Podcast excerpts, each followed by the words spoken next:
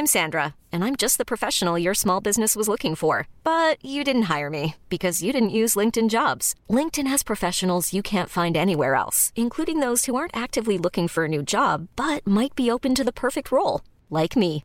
In a given month, over 70% of LinkedIn users don't visit other leading job sites. So if you're not looking on LinkedIn, you'll miss out on great candidates like Sandra. Start hiring professionals like a professional. Post your free job on linkedin.com/achieve slash achieve today. One size fits all seems like a good idea for clothes until you try them on. Same goes for healthcare. That's why United Healthcare offers flexible, budget-friendly coverage for medical, vision, dental, and more. Learn more at uh1.com. Many of us have those stubborn pounds that seem impossible to lose, no matter how good we eat or how hard we work out. My solution is PlushCare. PlushCare is a leading telehealth provider with doctors who are there for you day and night to partner with you in your weight loss journey. They can prescribe FDA-approved weight loss medications like Wagovi and Zepbound for those who qualify. Plus, they accept most insurance plans. To get started, visit plushcare.com slash weight loss. That's plushcare.com slash weight loss.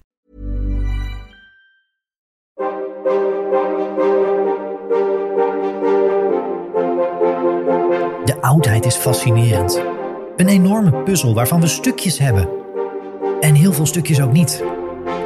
Al op de basisschool trokken de verhalen over het oude Egypte, de Romeinen, Griekse mythen, het oude China en het onderzoek naar al die oude culturen en mensen me als een magneet naar zich toe. En ik wil meer. Graag neem ik, Timo Epping, je in deze podcastserie mee op reis naar het verre verleden. Ik ga in gesprek met wetenschappers die ons in iedere aflevering een uurtje meenemen in hun eigen onderzoek. Hun eigen zoektocht naar de oudheid. Het is tijd voor de oudheid.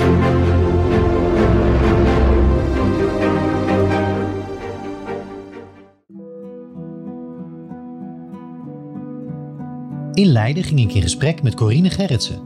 Corine is promovendus aan de Universiteit Leiden, verbonden aan het project Playful Time Machines. Binnen dat project doet ze onderzoek naar videogames die zich afspelen in de oudheid. Eerder al schreef ze een masterthesis aan de Universiteit Utrecht over de oudheid in videogames, meer specifiek over de manier waarop de vijanden van Rome in die games worden afgebeeld. Corine, fijn dat je ons meeneemt naar de oudheid. Of de digitale oudheid. Waar neem je ons tijdens deze aflevering precies mee naartoe? Eigenlijk neem ik ons dan naartoe naar het heden en naar het verleden tegelijkertijd, omdat we het gaan hebben over videogames.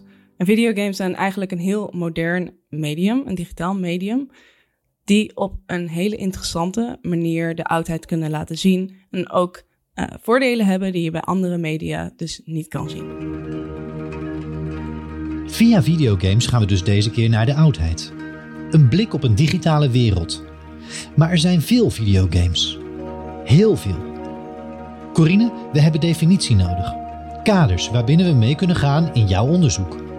Ja, als je het hebt over een game, of in het Nederlands natuurlijk gewoon een spel, dan kan je het over heel veel verschillende dingen gaan hebben. Maar mijn eigen onderzoek en ook waar ik het meest geïnteresseerd in ben, is eigenlijk een, videogame, een digitale game, die is gemaakt of om een computer of op een console te spelen. En waarin je op een manier bijvoorbeeld met de oudheid om kan gaan of een ander digitale plek hebt om eigenlijk jezelf in te bewegen of de interactie aan te gaan met die gamewereld. En voor verdere kaders, kijk, games dat zijn, um, die zijn zeer talrijk. Er zijn er duizenden en er zijn er duizenden die gaan over uh, geschiedenis op een manier, over Romeinen, over Grieken. En die hebben ook allerlei verschillende genres. Dus um, het is heel moeilijk om dat te pinpointen van gaan we het alleen maar hier of daarover hebben, omdat juist het veld zo ruim is. Ja, binnen dat ruime veld ben jij je dan vooral toe gaan spitsen ook op ja, onderzoek naar, even in de notendop, barbaren. De ander binnen de Romeinse context, binnen de Romeinse tijd. Hoe is dat eigenlijk op jouw pad gekomen als specifiek onderzoeksonderwerp? Nou, hoe ik er eigenlijk ben terechtgekomen is wel een grappig verhaal. Want ik was een Research Master Ancient Studies aan het doen bij Utrecht Universiteit. En um, ik gamede al veel. Ik vond het leuk, ik vind het interessant. Maar eigenlijk was ik, hoe we het zouden noemen, uh, iets meer hardcore historian nog. En was ik van plan om heel andere dingen te doen. Maar toen kwam corona. En hierdoor waren natuurlijk allerlei mogelijkheden vielen weg. En toen bedacht ik me, wat moet ik nu gaan doen? En juist ook in die coronatijd, omdat heel veel mensen natuurlijk gewoon binnen moesten zitten, werden games ook een stuk populairder. En toen herinnerde ik me dat ik ooit bij een lezing was geweest, wat ook ging over hoe mensen geschiedenis ervaren door videogames heen. En ik dacht, daar wil ik iets mee gaan doen. En toen ben ik eigenlijk bij een instituut gekomen, een, een foundation, Value Foundation. En daar kon ik stage gaan lopen, een onderzoekstage, over dus uh, een deel van hoe die oudheid wordt vergeven in videogames. En dat vond ik niet alleen heel erg leuk, want ik mocht inderdaad van alles doen met videogames. Maar toen dacht ik ook, nu heb ik een missie. Want hier wordt heel weinig mee gedaan eigenlijk. En mensen begrijpen er nog niet heel veel van. We begrijpen niet wat er allemaal gebeurt en hoe dit wordt vergeven en hoe dat precies in elkaar zit. En dat is wel heel erg belangrijk tegelijkertijd, omdat zoveel miljoenen mensen dit soort dingen spelen en zien en hun interesse opwekken voor geschiedenis, maar ook hun beeld kunnen veranderen. Dus toen ging ik naar mijn, uh, mijn coördinator van de master toe van, ik wil mijn thesis gaan doen over videogames. Nou, ik doe een studie over oudheid, dus men moest heel even achter de oren krabben. Maar gelukkig was dit gewoon een mogelijkheid. En ben ik me dus echt um, specifiek op oudheid, maar nog specifieker op de grootste tegenstanders van de Romeinen gaan uh, focussen. Ja, interessant. En dan, dan ga je dus daadwerkelijk onderzoek doen naar videogames. Ja. Wil ik even een zijstap hier maken? Want ik denk dat dat over het algemeen al langer natuurlijk bekend is onderzoek naar moderne met populaire media, dus altijd in films, altijd in boeken, altijd in spellen, bordspellen. Hoe anders, hoe nieuw in dat onderzoek, in dat genre is, zijn videogames? Ja, je hebt natuurlijk, eh, waar we het hier over hebben op een manier, is de receptiestudies. En toen voor het eerst films bijvoorbeeld werden bekeken, onderzocht en serieus genomen, dat duurde even, omdat het een nieuw medium was van wat kunnen we daar nu eigenlijk mee? En opnieuw, die vraag werd eigenlijk gesteld voor videogames. Want opnieuw moesten ze een soort van bewijzen, we zijn niet alleen entertainment, we blijven hier en we gaan ook, uh, nou ja, een van de grootste industrieën ter wereld worden. Dus dan zien we eigenlijk um, dat die spellen steeds belangrijker zijn in ons dagelijks leven. Heel veel mensen hebben er ook toegang toe. En alsnog moesten we dus um, we als academische wereld even gaan kijken hoe gaan we hier eigenlijk mee om. Er zijn manieren waarop je kan kijken die je direct kan gebruiken of die worden gebruikt vanuit historisch oogpunt. Dus bijvoorbeeld close reading, kritische tekstanalyse. Die kan je ook op games toepassen die tekst hebben, want de meeste games hebben tekst. Maar ook um, receptiestudies vanuit films. Wat zie je eigenlijk en wat zegt dat? Dat wordt ook gebruikt. Maar er komt nu ook steeds meer een eigen methodologie, een eigen kader waarin we eigenlijk die games gaan bekijken. De afgelopen drie decennia is er onder wetenschappers binnen deze nog jonge tak van de receptiestudies veel discussie geweest over, even kort door de bocht, de manier waarop je een videogame over de oudheid moet analyseren, moet onderzoeken. Corine, hoe pak je dat aan? Ja, ik zal dit even aanvliegen op de manier hoe, hoe ik er eigenlijk in terecht ben gekomen. En hoe ik dacht, hoe pak ik dit aan? Want er is helaas nog niet een boek met zo doe je onderzoek naar videogames. Um, dat is hopelijk waarschijnlijk onderweg. Maar dat is natuurlijk nog steeds, uh, het is een heel multidisciplinair veld. Je kan er vanuit ieder veld eigenlijk inkomen. Game studies als echte studie bestaat pas. Dus de meeste mensen komen vanuit andere velden. Ik bijvoorbeeld uit oudheid. Nou, wat ik deed, ten eerste, ik speelde het spel. Om te kijken wat gebeurt er nou eigenlijk, wat zie ik. Ik nam het op, ik maakte notities. Maar ook vervolgens, dit hoeft niet, maar dit kan. Uh, als je een game installeert, daar worden allerlei bestanden op je computer neergezet. En in die bestanden, daar staat allerlei informatie die ik dan kan tegenkomen in een videogame. Nou, als je een videogame speelt, omdat je zelf dus die interactie aangaat, je kan zelf keuzes maken, bestaat er best wel kans dat je niet alles gaat tegenkomen wat zo'n game wel te bieden heeft. En als je dus uh, vanaf de achterkant kijkt, vanaf um, onder de motorkap. Onder de motorkap, om zo maar te zeggen.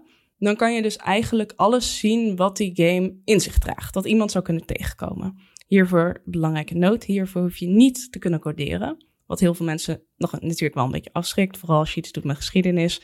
Oh jee, coderen. Oh jee, programmeren. Oh jee, IT-dingen. Maar dat hoef je allemaal niet te kunnen. Gelukkig is dit tegenwoordig in, nou ja, de manier waarop er gecodeerd wordt, bestaat er descriptive language, dus beschrijvende taal. Dus letterlijk alles is uitgeschreven wat je in zo'n game tegenkomt. En ook vaak zijn er ondertitelingen. Dus die staan er ook allemaal in. Dus die kan je openen en dan kan je direct eigenlijk alles zoeken. Dus als je bijvoorbeeld heel erg geïnteresseerd bent in textuele dingen, open je dat gewoon en dan kan je daardoorheen makkelijk zoeken. Je kan de game dus echt als tekst analyseren of op, tekst, op tekstniveau. Ja, zeker. Maar je kan natuurlijk ook visuele dingen bekijken. En dan wordt natuurlijk de vraag, wat, hoe doe je dan vervolgens dat onderzoek? En wat ik heb gedaan, ik vond het interessant uh, bij sommige games wat ik tegenkwam. En ik vroeg me heel erg af, waarom zie ik dit hier eigenlijk? Want ik weet niet precies wat het is, of ik weet niet precies waar het vandaan komt. Dus ik ga dat zoeken, want ik vind dat interessant. Wat dat betreft hielp bij mij, ik had al een kennis van bepaalde uh, schrijvers uit de oudheid. En dan zie je inderdaad dat uh, hun woorden vaak terugkomen. Dus niet met voetnoten en zo, dus je moet zelf op zoek. Maar Google is gelukkig. Google is je vriend soms. Ja. En dan kan je makkelijker dingen vinden. Maar het is eh, wat dat betreft heel veel uitzoekwerk. En er staan geen voetnoten bij. En je weet niet waar het vandaan komt. Het kunnen museale objecten bijvoorbeeld zijn. worden heel vaak in games gebruikt. Of als je een gebouw ziet, kan het zijn dat het verzonnen is. Maar het kan ook zijn dat het is ingescand. Dus ga maar een gebouw zoeken. Hoe ga je dat doen? Je gaat googlen en je probeert te vinden waar dit nu eigenlijk precies vandaan komt. Want er is ook geen, um, geen boek door de developers gemaakt van, oh, hier heb ik al mijn informatie uit. Dus dat is echt een soort van terugtracen wat ik heb gedaan. En nogmaals, je kan dus op heel veel manieren deze games onderzoeken. Maar dat is juist het stukje wat ik zo interessant vond van, we zien hier een hele rijke, genuanceerde, complexe wereld in sommige games. Hoe is de weg hier naartoe geweest? Dat is gelijk een mooie voorzet voor het vervolg. De weg naar de uiteindelijke game over de oudheid. Dan zitten we aan de kant van de makers, de ontwikkelaars van die games. Corine, op dit punt heb ik diverse vragen. Wie zijn die makers? Hoe werkt dat proces van ontwikkeling en welke keuzes maakt men?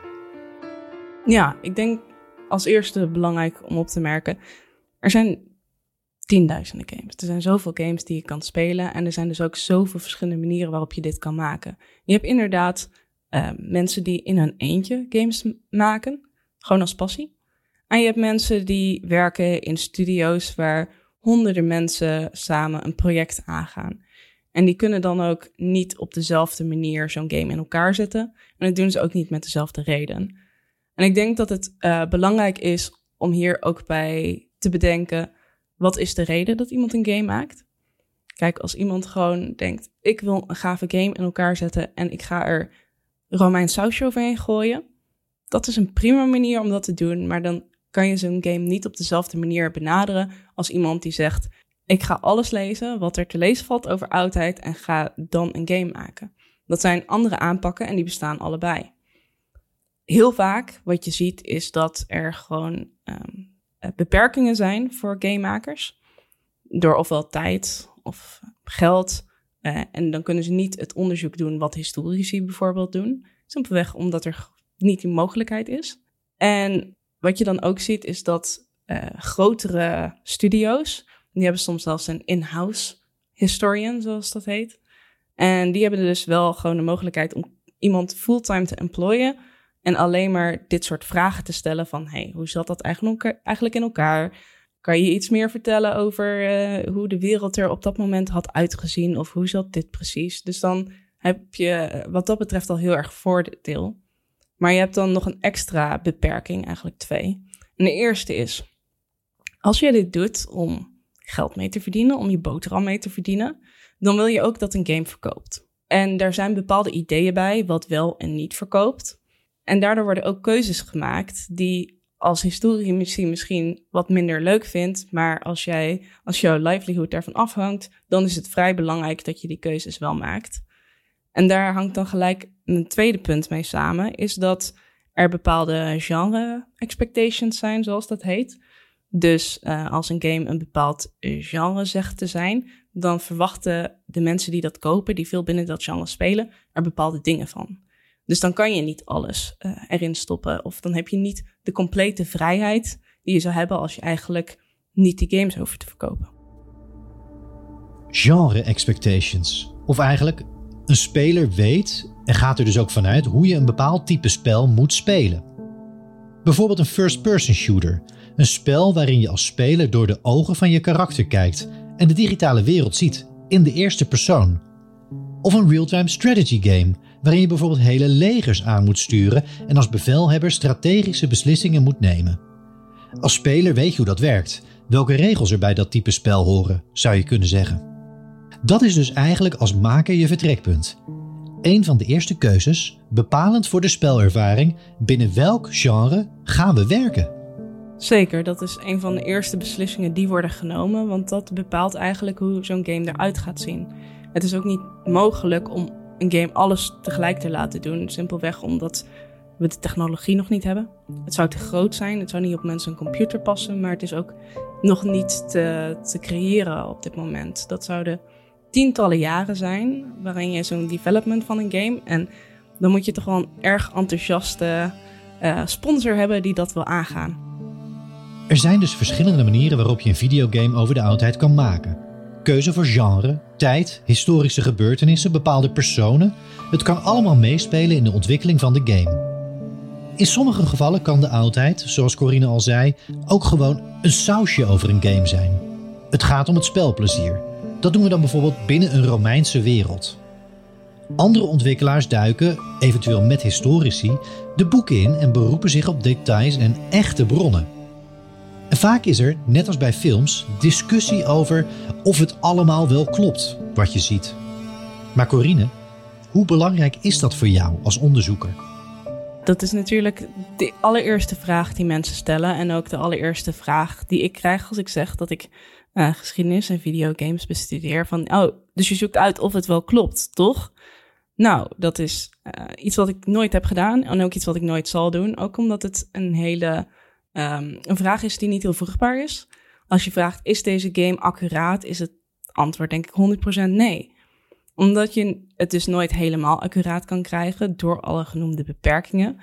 Maar het is ook geen interessante vraag om te stellen. Want veel interessanter is bijvoorbeeld om te gaan kijken, hey, welke bronnen zijn er inderdaad gekomen? Of om juist te vragen, welk argument probeert zo'n game te maken? En met argument bedoel ik dus een soort van statement wellicht, of welke les zou je eruit kunnen trekken? Um, er is één game bijvoorbeeld en die gaat over Romeinse festivals. Hierin moet je dus eigenlijk wel als speler, ben je de pater familias. Dus jij staat aan het hoofd van de familie. En wat je eigenlijk wil doen, is dat je familie naar een senatoriële rank komt. Maar om dat te bereiken, dan, dan moet je natuurlijk steeds meer geld verdienen. Maar je persoonlijke invloed moet ook steeds groeien en de invloed van je familie ook.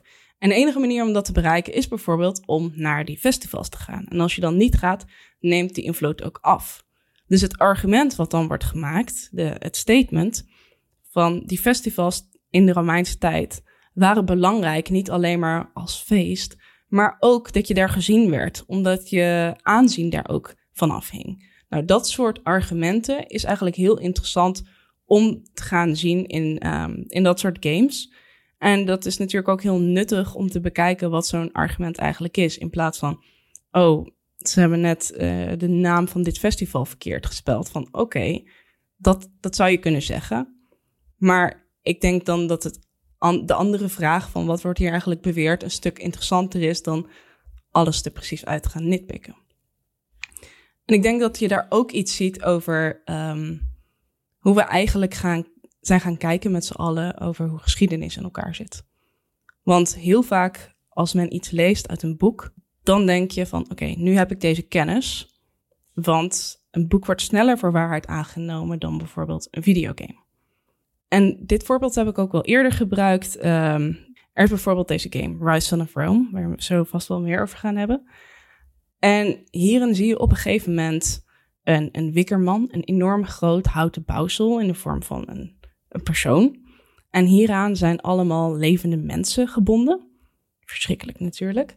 En deze wordt dan ook in, uh, in vlam gezet, in vuur gezet. En je hoort die schreeuwen en het wordt heel erg in deze game gepresenteerd als... oké, de mensen die dit doen, dat zijn barbaren, die zijn slecht. Die onmenselijk om zo mensen te gaan doen. Nou, als je dan ziet van, nou, is dit historisch accuraat? Je zou kunnen zeggen, nou, lijkt me niet, hè? Want dit gaat al heel erg over de top. Maar als je dan gaat kijken van, is dit gewoon verzonnen? Nee, dit komt natuurlijk uit gewoon bronnen. Bronnen zoals Caesar. Die zegt, ja, ik heb wel gehoord dat dit gedaan werd. Maar dan is natuurlijk de vraag, is Julius Caesar historisch accuraat? En dan begin je eigenlijk te zien van ons hele idee over wat wel of niet accuraat is, is natuurlijk een beetje problematisch op die manier. En geldt dat bijvoorbeeld voor hoe men films analyseert anders dan voor games, wat jou betreft? Nee, ik denk dat ook wat er tegenwoordig heel veel wordt gedaan, uh, iedere keer als er weer een nieuwe film uitkomt, of bijvoorbeeld Barbaren of een serie, en dan zie je zonder twijfel binnen een paar dagen online zo'n artikel komen met 12 things Barbaren got wrong. Nou, dat wordt natuurlijk dus precies hetzelfde gedaan en, en mensen die onderzoek doen naar die series gaan ook niet kijken van klopt dit wel of niet, maar gaan dus ook op heel veel andere en veel interessantere manieren kijken naar wat zo'n serie eigenlijk doet. Ja, ik denk dat we op dit moment nog een klein beetje achterlopen eigenlijk. Want de, de game-industrie is nu groter dan de muziekindustrie en de filmindustrie weer bij elkaar. En eigenlijk hebben we nog geen idee hoe onze ideeën over geschiedenis en alles afhangt van zulke games. Dus eerst proberen we dit nu te begrijpen. Van hoe zit het eigenlijk in elkaar? Uh, op welke manieren hebben we nu mechanismen, games die iets van geschiedenis laten zien? Hoe functioneert dat? Hoe, welk impact heeft dat op onze, ons populaire begrip van die oudheid? En dan de volgende stap is natuurlijk, uh, wat sommige mensen ook al proberen te doen. Wat zijn nou goede manieren om ook die game developers te betrekken bij hoe geschiedenis wordt gedaan, wat we eigenlijk ervan zouden kunnen willen zien. En ook, wat ik ook heel erg hoop, is misschien wel een bijdrage te kunnen leveren in die, die genre expectations een beetje te doorprikken en handvaten te geven aan ook game developers, de makers van games, om nieuwe wegen in te slaan en nieuwe dingen te laten zien. En wat zou dat dan bijvoorbeeld kunnen zijn? Nou, wat we al heel erg in geschiedenis natuurlijk zien. Het idee van er is niet één historische waarheid.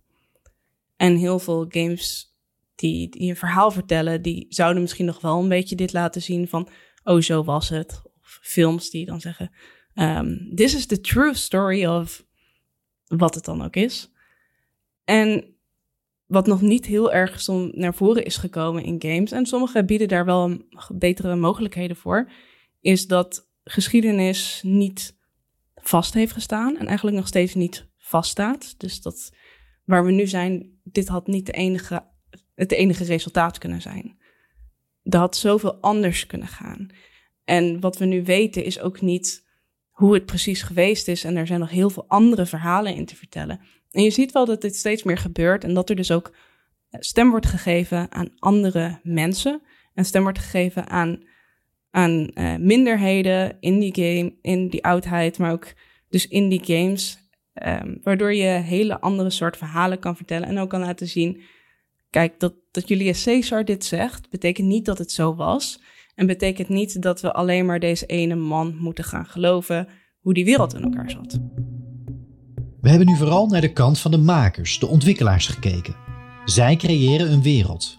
De mogelijkheid om virtueel naar de oudheid te reizen.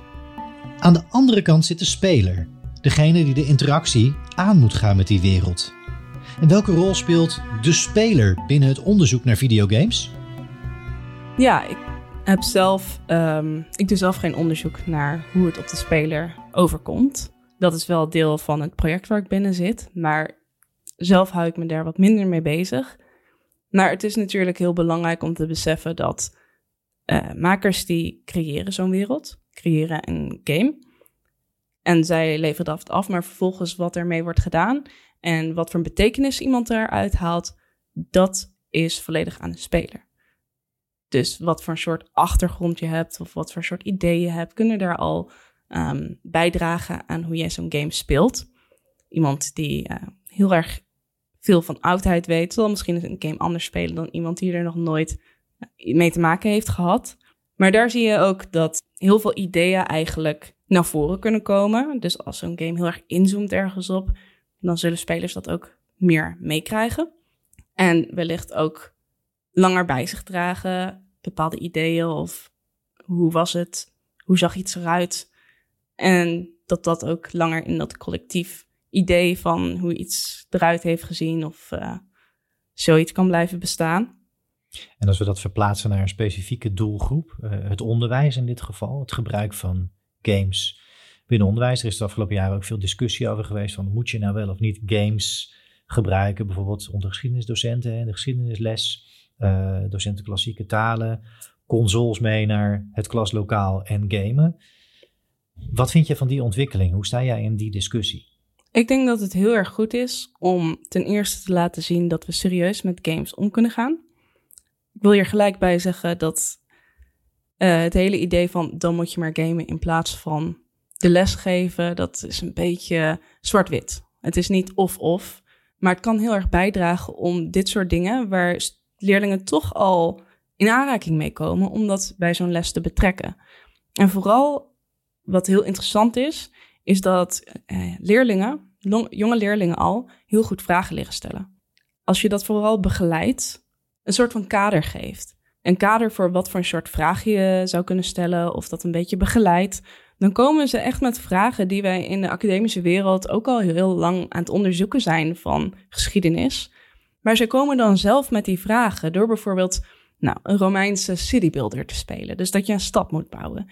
Dan opeens komen ze ook met vragen van, maar hoe komen ze dan aan hun bouwmaterialen? Waar kwam dat dan vandaan? Hoe kregen ze dat daar? Dit is zo zwaar of dit kost zoveel geld. Hoe werkt dat dan? En zij stellen heel erg goede vragen die zij niet hadden gesteld als zij alleen maar in een boek hadden gelezen. Zo zat het en zo zat een Romeinse stad in elkaar. Maar omdat ze zelf die interactie mee eraan moeten gaan en dus zelf iets zien gebeuren en zelf de consequenties zien van hun keuzes, kunnen ze opeens heel erg interessante vragen stellen.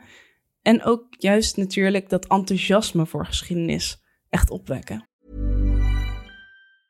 Ready to pop the question? The jewelers at BlueNile.com have got sparkle down to a science with beautiful lab-grown diamonds worthy of your most brilliant moments. Their lab-grown diamonds are independently graded and guaranteed identical to natural diamonds, and they're ready to ship to your door. Go to Bluenile.com and use promo code LISTEN to get $50 off your purchase of $500 or more. That's code LISTEN at Bluenile.com for $50 off. Bluenile.com code LISTEN. I'm Sandra, and I'm just the professional your small business was looking for. But you didn't hire me because you didn't use LinkedIn jobs. LinkedIn has professionals you can't find anywhere else, including those who aren't actively looking for a new job but might be open to the perfect role, like me.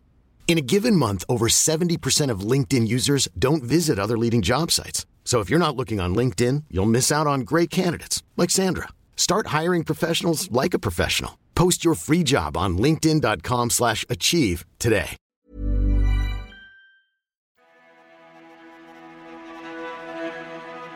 Corine zal straks aan de hand van enkele games, case studies, vertellen hoe ze te werk gaat in haar onderzoek. Hoe games werken en ook vooral belangrijk hoe games ons beeld van de oudheid kunnen bepalen. Maar eerst nog even terug naar de makers. Een concreet punt. Wie de makers zijn of waren de afgelopen decennia, daar spraken we al kort over. Maar voor de toekomst, wie kunnen de makers van die games nog meer zijn? Ik denk dat we hier een van de grootste ontwikkelingen eigenlijk zien in deze tijd en ook in de toekomst. De tijd dat gamemakers echt programmeurs waren en heel gespecialiseerd die is voorbij. Tegenwoordig kan iedereen een game maken en zijn er allerlei tools gratis, online, met tutorials erbij, waarin mensen, jonge mensen, oude mensen, iedereen die ook al weten ze niks van hoe dat werkt, kunnen nu games maken. Dus we zien ook al dat leerlingen hele interessante games maken, maar ook leraren oudheid. Die zijn allerlei games aan het maken om het ook nog wat educatiever te maken. En deze democratisering van het game maken zal, denk ik, in de toekomst alleen maar voortzetten. Nog één vraag die ik daar in het verlengde bij heb. Zie jij de educatieve game als een aparte categorie, een apart genre misschien? Ik denk dat het op het, dit moment wordt gezien als een apart genre, maar ik denk niet dat alleen maar de educatieve games gebruikt kunnen worden voor educatie. Ik denk dat juist de grotere en ook games die men al speelt, dat die heel goed kunnen worden genomen als startpunt om dit soort discussies, vragen, onderzoeken mee te doen. We gaan nu naar enkele concrete voorbeelden kijken. Corine deed dus voor haar masterthesis onderzoek naar de manier waarop barbaren, de ander, in videogames over de Romeinen worden neergezet. Corine, zou je ons daarin mee willen nemen? Waar ik het nu over wil gaan hebben, begint eigenlijk met een vraag die denk ik iedereen kan beantwoorden. Als je denkt aan een barbaar, wat zie je dan voor je? Wat zijn eigenschappen waarvan jij denkt dat is een barbaar? Ja, de typische barbaar. Ja, dat zijn dan toch vaak wel de beelden die je voorgeschoteld hebt gekregen in een verleden, in het verleden. Uh, onverzorgd, lange haren, de baarden, uh, kleding, wat je misschien vodden zou kunnen noemen.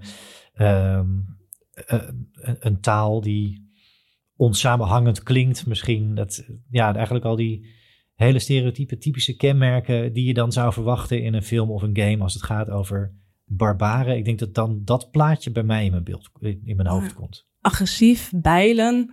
Ze zijn er alleen maar op uit om dingen kapot te maken. Ja. En je zegt heel mooi wat je in films of games hebt gezien. Maar als je Julius Caesar leest, dan is dit eigenlijk ook het beeld wat je krijgt. Of Tacitus. Dit zijn barbaren, dit zijn barbaarse volkeren die tegen de Romeinen komen te staan en die duidelijk, nou ja, de Romeinen zijn duidelijk beter volgens de Romeinse schrijvers.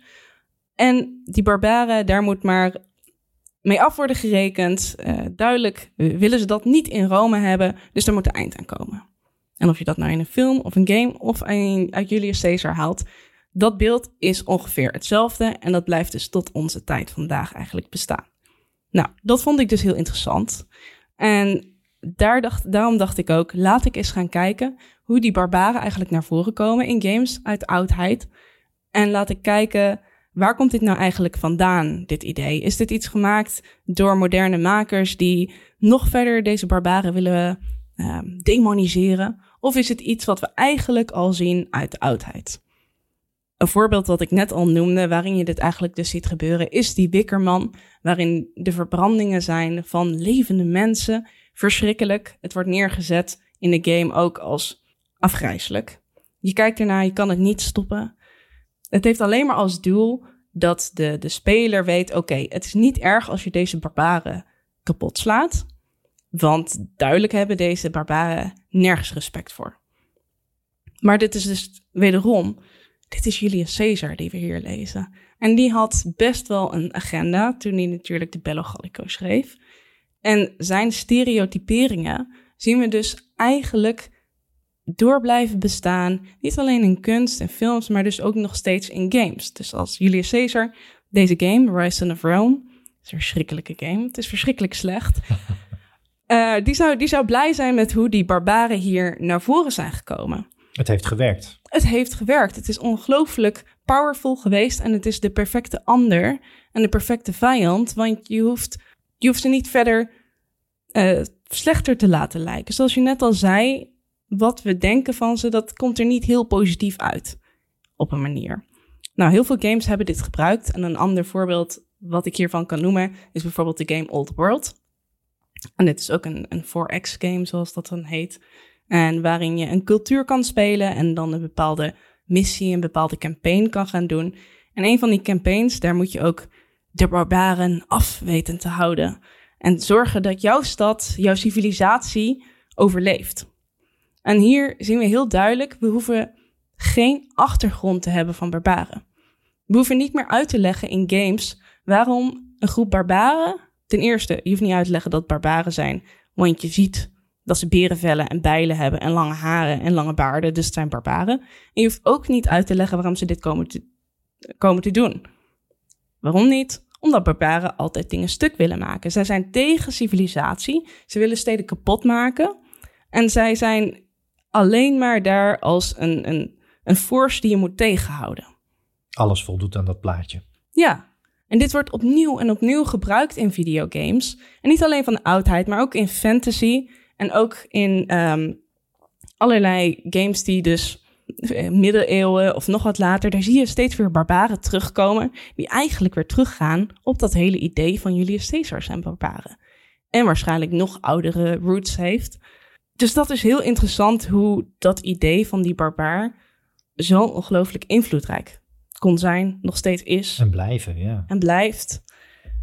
En dat wil ik graag afspiegelen tegen een andere game, Imperator Rome. Het is een grand strategy game, dus dat betekent eigenlijk dat je, zodra jij een keuze hebt gemaakt voor een politieke entiteit die jij wil spelen, dan moet je alles beslissen van religie, militair, politiek, economie.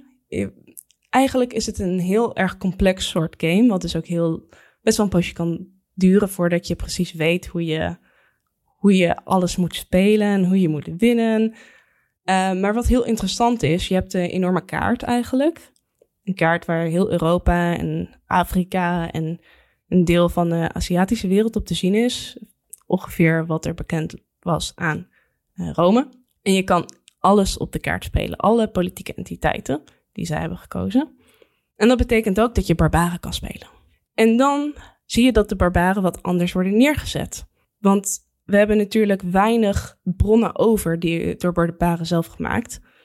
Dus wij kennen ze eigenlijk alleen maar door Romeinse bronnen. Nou, dat is natuurlijk al een probleem. Dan zie je wel dat dingen worden gebruikt zoals kledingkeuze. Daar ziet dus het ergens dat ze geblokte kleding aan hebben. Dus dan zien we vervolgens ook geblokte kleding daar in die game. Maar vervolgens worden ze dus neergezet als gewoon een volledige cultuur. Dus ze, hebben, ze zijn er niet alleen maar om dingen kapot te slaan, maar ze hebben veel meer te doen gewoon met hun eigen manier van leven. En ze willen gewoon uh, zelf verbeteren op een manier, jij als speler. Maar dan laat het ook iets zien wat je als speler ook als doel kan nemen. Want jij kan nu degene zijn die dat Romeinse Rijk stopt. Jij kan het voor de barbaren opnemen die het niet zijn gelukt. En jij kan tegenhouden dat ze komen invaden en alles maar Romeins maken. Dus dan zie je ook weer een interessante manier waarop je dus een soort van counterplaying op een andere manier kan spelen met, dat, met geschiedenis.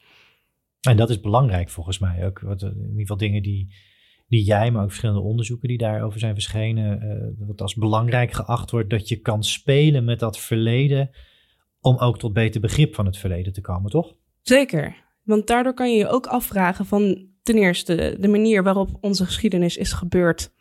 Moest dat wel zo gebeuren? Nou, dat is natuurlijk niet zo. Dat had op iedere manier anders kunnen lopen. Maar je ziet eigenlijk ook dat je daardoor kan ervaren wat werkt wel, wat werkt niet in deze wereld. Wat zijn de andere dingen waar je allemaal rekening mee moest houden? En wat zijn de verschillende manieren dat die barbaren hadden kunnen omgaan met de politieke, geopolitieke situatie waarin zij zich bevonden. En omdat je deze game natuurlijk opnieuw en opnieuw kan spelen, kijk, als je een fout maakt, dan kan je gewoon weer terugladen naar voordat je de fout maakte, of je kan gewoon opnieuw beginnen. En dan kan je dus eigenlijk steeds gaan experimenteren met geschiedenis en kijken wat wel en niet werkt. En inderdaad is dat eh, experimenteren met de geschiedenis van hoe de studio het daar neer heeft gezet. Maar desalniettemin zijn heel veel van deze grotere spellen, zijn mensen echt wel bezig geweest met uh, welke bronnen zij daarvoor gebruikten en wat zij daar binnen wilden hebben. En als je nu hè, even kijkt naar resultaten vanuit je eigen onderzoek of een, ja, een voortgangsrapport, welke conclusies heb je tot nu toe kunnen trekken uit jouw onderzoek naar barbaren in videogames? Ja, dus, dus wat er net al werd gezegd, barbaren die die zijn zo bekend aan ons, die hebben eigenlijk geen uitleg meer nodig wat hun beweegredenen zijn. Je hoeft niet meer mensen uit te leggen wat een barbaar is. Zij komen vaak tegenover civilisatie te staan. En juist ook het punt te maken dat die civilisatie beter is. En Rise Son of Realm wordt ook heel erg um, zwart-wit eigenlijk neergezet van alles wat jij niet wil dat de Romeinen zijn, dat is een barbaar. Natuurlijk zo neergezet, zodat jij juist denkt: oké, wij als Romeinen doen dit of dat wel of niet, dus dan zijn wij beter. Zij maken zomaar mensen dood, dat doen wij niet. Wij doen geen mensenoffers, dus wij zijn beter. Dus dan kan je eigenlijk ook, wordt het gewoon een soort van de perfecte ander, waarin je alle slechte eigenschappen maar neergooit om te laten zien hoe goed jij wel niet bent. En vanuit dat idee wat je ook mooi zegt, wij de Romeinen. Ja, ja. ja. En aan de andere kant, en wat je nu gelukkig ook wel steeds wat meer ziet, uh, er is ook heel veel interesse naar ja, wat is een barbaar nou eigenlijk? En in Imperator Rome wordt het dan niet meer een barbaar, maar krijgen deze volkeren ook hun eigen naam weer terug. Of tenminste de naam die we dan kennen uit Caesar of Tacitus. Maar er wordt dus moeite gedaan om eigenlijk weer een, een soort van stem aan hun te geven, om een naam te geven en om te laten zien dat heel erg lang dit beeld van de barbaren, eigenlijk al begonnen natuurlijk ook met, met Gibbon en hoe de barbaren zorgden dat alles kapot ging, dat dat weer een beetje wordt genuanceerd en dat het ook heel belangrijk is om te doen. Dat beeld van de barbaren, nadrukkelijk tussen aanhalingstekens, wordt in een game als Imperator Rome uit 2019 dus weer wat genuanceerder neergezet. Anders dan in de game Rise, Son of Rome uit 2013. En let op, dat noem je een hack-and-slash game, waar een barbaar in feite alles in zich draagt waar wij tegen zijn. Nadrukkelijk de ander. En daarbij noemt Corine ook Edward Gibbon, de Britse historicus uit de 18e eeuw die we goed kennen door zijn werk The History of the Decline and Fall of the Roman Empire uit de jaren 80 van diezelfde eeuw. Maar in Imperator Rome krijgen andere volkeren dus letterlijk hun naam weer terug. Zoals bijvoorbeeld de Menapii en de Eburonen in het huidige Nederland en België, maar ook de Brigantes en Iceni in Britannia. Allemaal volkeren waar je mee kan spelen in dat spel. De Iceni is hierbij een prachtig voorbeeld waar ik ook nog maar heel even, heel even op doorga. Bij deze game, iedere politieke entiteit heeft zijn achtergrond, waarin dan bepaalde bonussen en penalties eigenlijk worden gegeven, maar waar ook een regeltje staat met de belangrijkste dingen wat je van zo'n volk moet weten. En dan zie je opeens bij uh, Britain dat heel veel is dat niet ingevuld, omdat ze niet goed weten wat, wat voor een soort volk, om het zo maar te noemen, erin zat. Maar alleen bij de Ikeni staat opeens: This proudly and fiercely independent people. Um, die je dan kan gaan leiden.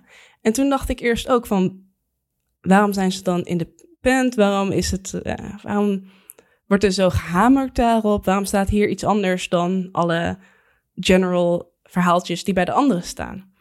En dan, als je natuurlijk gaat lezen, dan komen we terug bij Boudica, een heel erg bekend figuur ook in de film, die tegen die Romeinen probeerde te vechten. Dus zo zie je eigenlijk een klein spikkeltje aan geschiedenis eigenlijk bij zo'n achtergrond staan.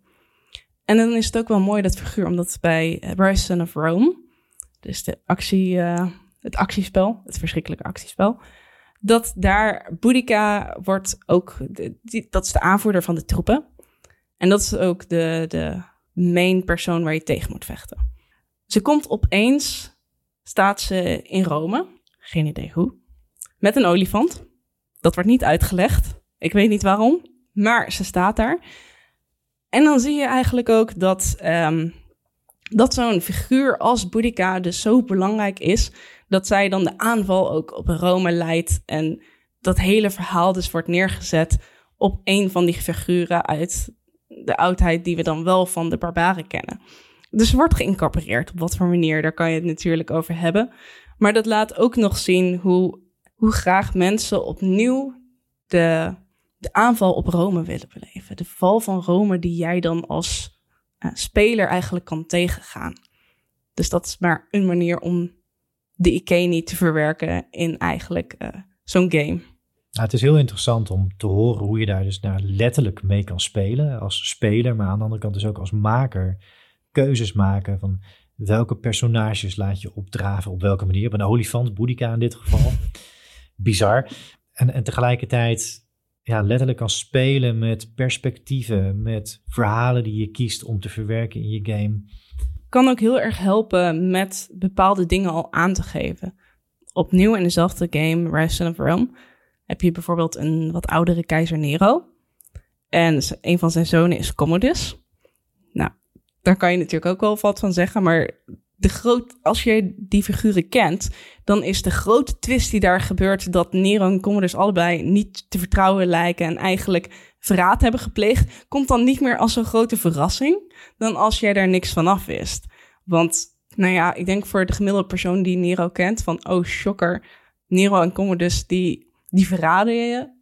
Als jij historisch al iets ervan weet, dan voelt dat niet als de grote shock. Tot zover enkele praktijkvoorbeelden. Videogames waar je mag spelen met de oudheid. Spelen met geschiedenis. Goed of slecht? Oordeel zelf. Nu naar het huidige onderzoek van Corine. Waar werk je op dit moment aan en wat mogen we in relatie tot onderzoek naar de oudheid in games de komende jaren verwachten? Er wordt heel veel gedaan tegenwoordig met uh, historische videogames en heel veel met dat onderzoek. Dus dat is heel interessant om te zien en om al die nieuwe invloeden en nieuwe perspectieven mee te mogen maken. Ik zelf ben bezig in een team uh, binnen een project wat heet Playful Time Machines, waarin we eigenlijk kijken naar hoe deze ja, tijdmachines functioneren, wat voor een invloed dat heeft op uh, hoe mensen geschiedenis zien en hoe de speler, de maker en eigenlijk de academische wereld met elkaar kunnen laten communiceren. Nou, mijn onderzoek daarbinnen is om te kijken naar de, de mechanics van videogames. Dus eigenlijk de soort van regels en hoe zij geschiedenis laten zien in die games. En hierbij ben ik dan niet alleen maar aan het kijken naar oudheid, maar naar geschiedenis, het verleden in een bredere zin. En hiermee hopen we natuurlijk ook een stuk meer grip te krijgen op hoe, de, hoe die geschiedenis, hoe dat verleden eigenlijk wordt laten zien in videogames. Hoe we dat moeten begrijpen als wat voor invloed dat heeft op, nou ja, ons heel idee, onze, onze samenleving, ons, onze visie van geschiedenis. En dan hoop ik in de toekomst dat daar steeds meer samenwerking ook tussen zal komen, tussen de verschillende groepen, dus de makers, de spelers. En wij die er iets over proberen te zeggen door analyses. Maar ik hoop ook dat, en dat zie je eigenlijk al heel veel gebeuren, dat er steeds meer perspectieven en approaches eigenlijk komen op, op dit onderwerp, omdat het zo ongelooflijk breed is. Het is niet alleen maar vanuit historisch veld, maar ook vanuit, vanuit wat je ziet, misschien toneel of film of archeologie. Er zijn zoveel manieren om hier naar te kijken. En daar wordt denk ik in de komende jaren nog heel, heel veel meer dingen mee gedaan. Tot slot, Corine, wat moeten wij de luisteraars en potentiële spelers van die games. Wat moeten wij met die games over de oudheid? Ja, en hier heb ik een paar punten om te maken. Wat moeten we met games? Ten eerste denk ik, voor mensen die dat nog niet doen, we moeten games serieus nemen. Ze kunnen serieus iets bijdragen en het zijn ook serieuze, betekenisvolle ervaringen voor heel veel mensen die dit spelen. Daarnaast moeten we mensen laten enthousiasmeren door videogames. Ik zelf ben ook ooit, mijn, een van mijn allereerste echte games ging over Romeinse oudheid. En ik ben oudheid gaan studeren, dus misschien zit daar ook wel een hele grote kracht in. Daarnaast moeten we ook waarderen dat games ons hele kritische vragen kunnen laten stellen. Juist wat een tekst misschien soms niet kan, is iets wel. Klopt dit wel? Hoe zat dit in elkaar? Waarbij je een tekst dat misschien minder snel zal vragen, is dat voor een game makkelijker om bij te komen. En daarnaast moeten we gebruik maken van de mogelijkheden die, um, die games bieden. Dus dat ze ons inderdaad echt die interactie met oudheid kunnen laten aangaan. Dat je daadwerkelijk kan lopen in een wereld die er niet meer is. En dit soort dingen kan je niet uit boeken halen. En dat kan je wel uit, uit games halen. En dat moeten we ook waarderen. En als laatste, wat moeten we met games? Is natuurlijk, we moeten spelen. Ja, dat vind ik een hele mooie conclusie, heel mooi slot van, uh, van deze inspirerende en interessante aflevering van Oudheid, waarvoor ik je heel erg hartelijk wil bedanken. Jij bedankt.